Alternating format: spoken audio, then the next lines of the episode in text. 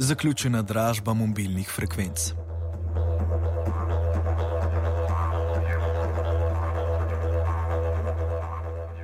Po mesecu dni dražbe je Agencija za komunikacijska omrežja in storitve uspešno prodala radijske frekvence za namene mobilne telefonije.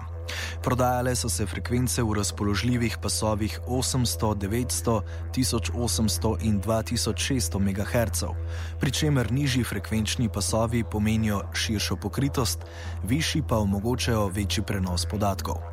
Kupec frekvence je slednjo dobil uporabo za obdobje 15 let.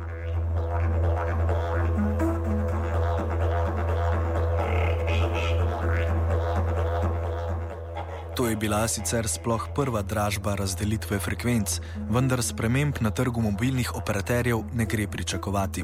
Skupni iztržek je približno 148,74 milijona evrov. Največji delež je za prodajo frekvenc odštel Telekom Slovenije v višini 64,2 milijona evrov, sledi Simobil, ki je za uporabo frekvenc prispeval 63,87 milijona evrov.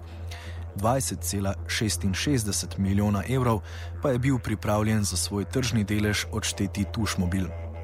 Kaj takšna razdelitev pomeni za trg mobilnih storitev, pove novinar dela Matjaš Ropert.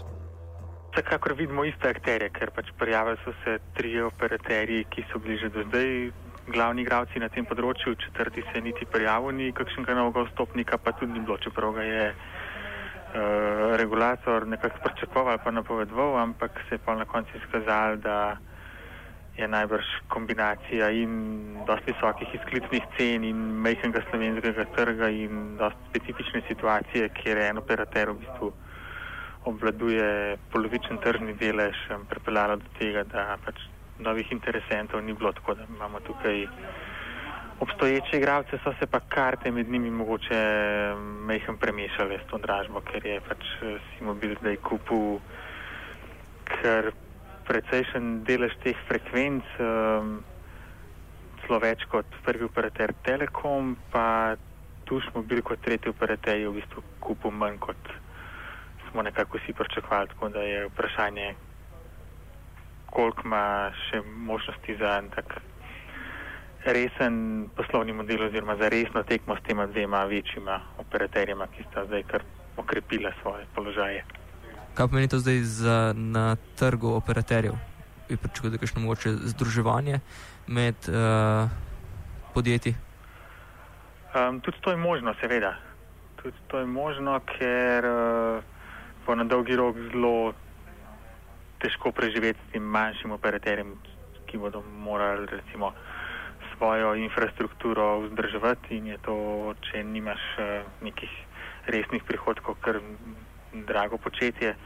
Tako da zelo verjetno bomo videli kakšna združevanja in pa potem bodo pač uh, razen teh parih operaterjev, ki bodo imeli svojo infrastrukturo zraven ponudniki storitev, ki jih nekaj tudi zdaj poznamo, ki bodo pač iskali možnosti, kako na tej infrastrukturi ponujati nekaj, kar te večji ne ponujajo, mogoče zadovoljevati kakšne niše, kakšne uporabniške zahteve, pričakovanja, ki jih te večji operaterji ne izpolnjujejo.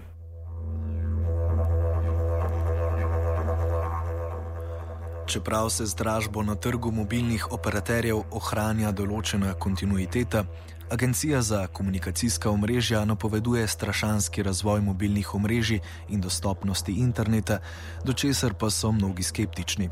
Ropert v nadaljevanju pojasni, kaj dražba pomeni za uporabnike.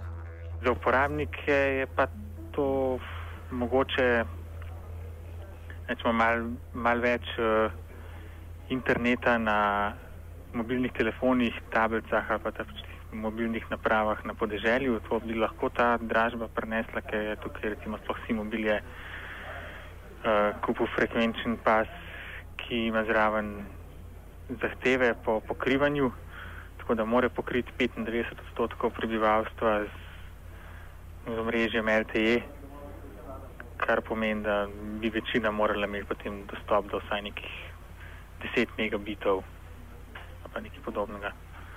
Tako da to mogoče, to najbrž lahko pričakujemo. Zdaj, kakšne revolucije, o čemer lahko da govori regulator, tega pa tega pa ne moramo pričakovati. Mobilne frekvence so se prek paketne dražbe prodajale prvič. Ali to obeta kakšne novosti na trgu mobilnih operaterjev?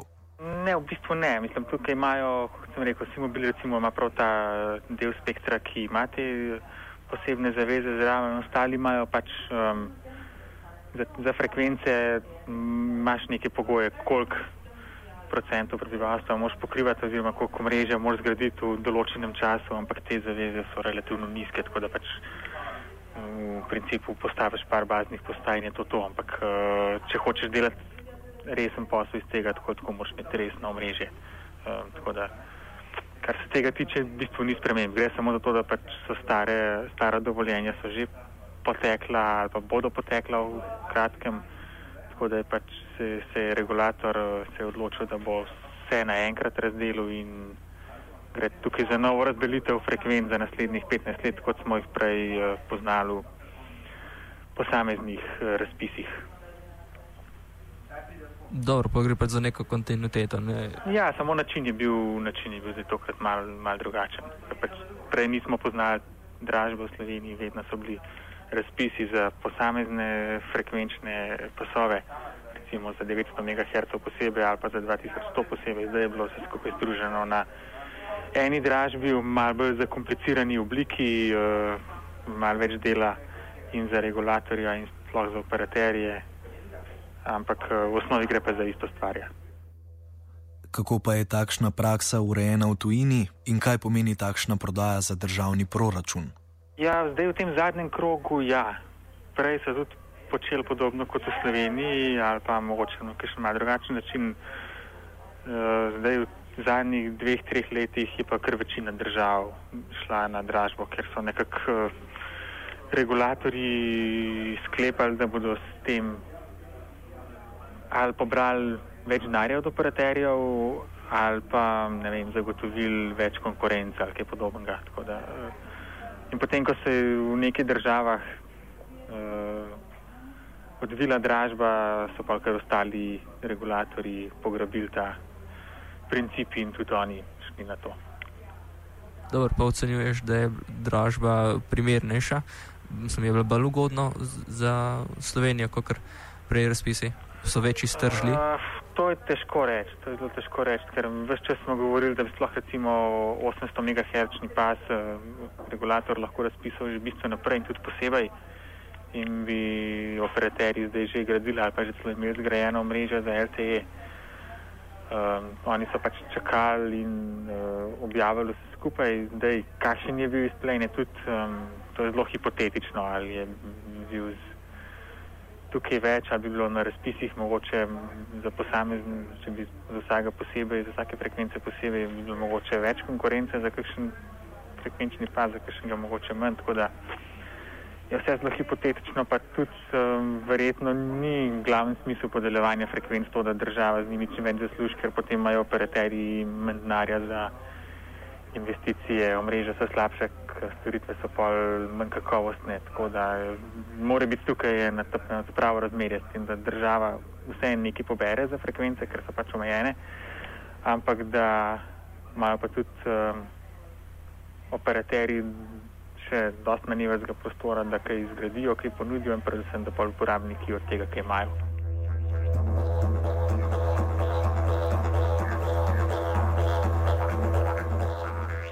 Čeprav gre na trgu ponudnikov mobilnih storitev za določeno kontinuiteto, pomisliki ostajajo.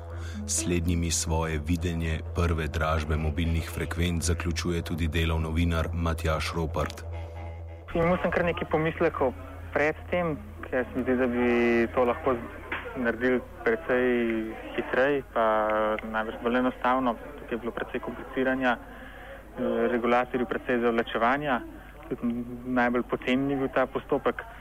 Zdaj na koncu se je pač še kolikrat tako hitro razpletlo, od tistem, ko, se, ko je bil razpis dejansko objavljen, pa je dražba začela, tako da ni bilo, na srečo ni bilo dodatnih zapletov, tako da kar se tega tiče je v redu, država je svoje iztržila, operaterji tudi niso pretirano nezadovoljni, to, da to je v redu. Um, mogoče bi lahko regulator manj preferiral manjše ponudnike, um, ker na koncu je izkazalo, da kljub pomoči agencije je tu smo bili kupili zelo malo uh, frekvenc, tako da smo v vsakem primeru ostali pri dveh močnih operaterjih, čeprav je bil, mislim, da namen zadnje mal drugačen. Dobro, pa je to nekaj primernega, da imamo mo pač dva močnejša operaterja? Kot... Nekaj realnega. No? Sem, uh, mogoče bi se komu zdel bolj, če bi imeli tri močne, ampak vprašanje pa, če Slovenija toliko velik trg, če je toliko kapitala tukaj in toliko prihodkov iz te panoge, da to, da to prenese.